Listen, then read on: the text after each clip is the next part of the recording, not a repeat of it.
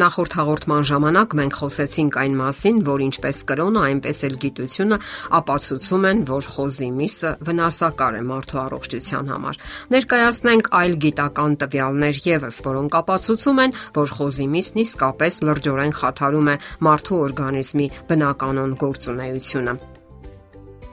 Եվ այսպես խոզի մսի հոմոթունաբանությունը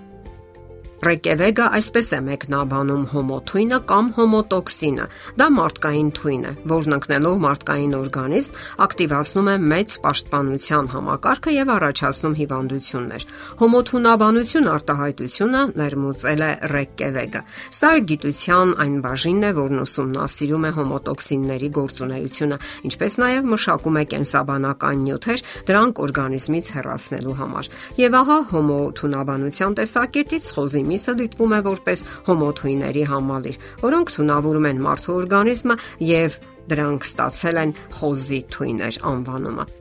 Կենթանական ճարպերը, որոնք սննդի միջոցով ընկնում են մարդու օրգանիզմ, կուտակվում են միտեղ եւ այն կենթանու առանձնահատուկ կառուցվածքն ու կենսաքիմիական կազմն ունեն, որին դրանք պատկանում են։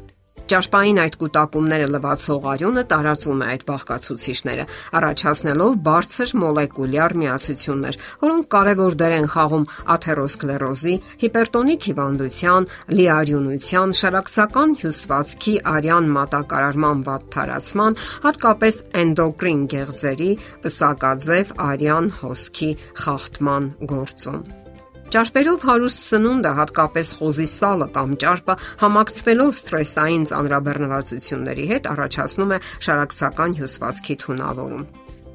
Ինչ տարբերություն կա խոզի մսի եւ մսի այլ տեսակների միջև։ Տարբերությունը միայն կալորիականության մեջ չէ։ Գոյություն ունեն մի շարք առանձնահատկություններ եւս։ Նախ այն, որ խոզի միսն ինքնին ճափից դուրս ճարպոտ է։ Նույնիսկ այսպես կոչված ոչ յուղոտ միսն անգամ մեծ քանակությամբ ճարպ է պարունակում եւ գլխավորապես ճարպային բջիջների տեսքով՝ ի տարբերություն տավարի եւ ոչխարի մսերի։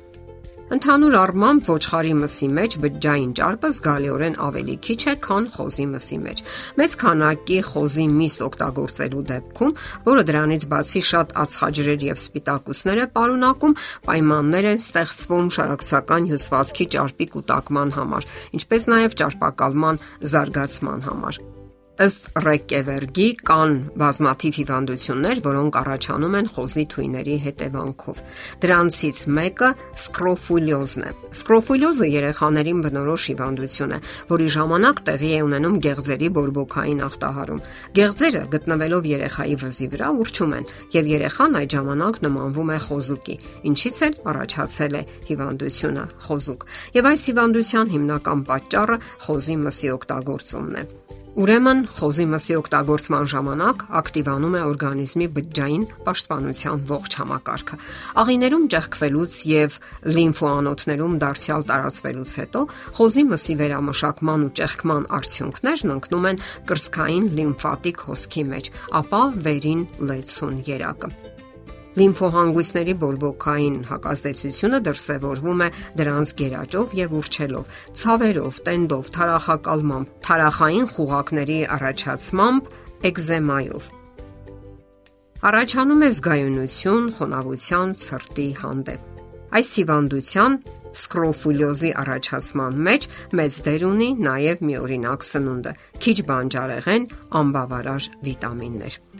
Չնայած բոլոր արգելքներին մարդիկ այնուամենայնիվ շարունակում են ուտել այն, օգտագործել այն։ Նրանք սովորաբար ասում են, սակայն հարգելի բժիշկ խոզի միսը շատ համեղ է։ Նրանք գտնում են բոլոր հնարավոր եւ անհնար պատճառները արդարացնելու այդ վնասակար մսի օգտագործումը, լավ իմանալով նրա թունավոր ազդեցությունը օրգանիզմի վրա, առաջացրած բազմաթիվ հիվանդություններն ու խանգարումները, կարծես նմանվելով ծխողների եւ հարբեցողների։ Անկասկած է, որ խոզի, հատկապես վայրի խոզի կամ վարազի սեռական հորմոնները մեծապես ազդում են մսի որակի վրա։ Պատահական չէ, որ վարազներին մորթելուց մի քանի շաբաթ կամ ամիսներ առաջ ամորձատում են։ Հակառակ դեպքում միսը գարշելի հոտ է արձակում եւ գործնականում պիտանի չէ օգտագործման համար։ Կան ենթադրություններ, որ խոզի սեռական հորմոնները քաղցկեղածին են։ Նկատվել է նաեւ, որ այդ կենթանին շատ ծանր է հիվանդանում սրտի լիպոիդոզ, լյարդի ճարպային դիստրոֆիա եւ այլն։ Նա թույների հսկայական պահեստարան է մարդու համար՝ ճարպեր, խոլեստերին, աճի հորմոն, լորձային ուրճող նյութեր եւ այլն։ Խոզի մսի օգտագործումը առաջացնում է նաեւ հեպատիտ E հիվանդությունը, որը համարվում է անթրոպոնոզ վիրուսային հիվանդություն եւ տարածվում է բերանի միջոցով։ Պատճառ է հանդիսանում լյարդի քաղցկեղի եւ ցիրոզի, բազմակի սկլերոզի համար։ Վերջինս կենտրոնական նյարդային համակարգի հիվանդություն է, որը բնութագրվում է գլխուղեղի եւ ողնուղեղի ուղեղի ընդհանրացված վնասվածքով առաջացնում է տեսողական հիշողության եւ ընդհանրապես հիշողության որոշակի հիմնախնդիրներ։ Հետաքրքիր է, որ իշխան ձկան արտադրությամբ զբաղվողները նկատել են, որ եթե ձկներին կերակրում են մանրացրած խոզի մսով, ապա նրանց մոտ զարգացման գործընթացը կտրուկ արգելակվում է, իսկ հետագայում ձուկն ընդհանրապես ոչնչանում է։ Ուշագրավ է, որ չնայած բժշկագիտության բոլոր նախազգուշացումներին, խոզի մսի արտադրությունն աճում է։ Այն շատ են օգտագործում Չինաստանում, Իսպանիայում, Բրազիլիայում, Ռուսաստանում։ Ինչ վերաբերում է Հայաստանին, ապա մեզ մոտ եւս այն բավականին տարածված է։ Դե ինչ, լավ մտածեք խոզի միս օգտագործելուց առաջ։ Որքան էլ որ համոզեն, որ այն համեղ է կամ սովորական միս է, դա այդպես չէ։ Այն վնասակար է բոլոր առումներով, ինչը պնդում են նաև բժիշկները, հիվանդներին արգելելով, որ գիտակցաբար չօգտագործեն այն։ Եթերում առողջ ապրելակերպ հաղորդաշարն է։ Հարցերի եւ առաջարկությունների համար զանգահարել 033 87 87 87 հեռախոսահամարով։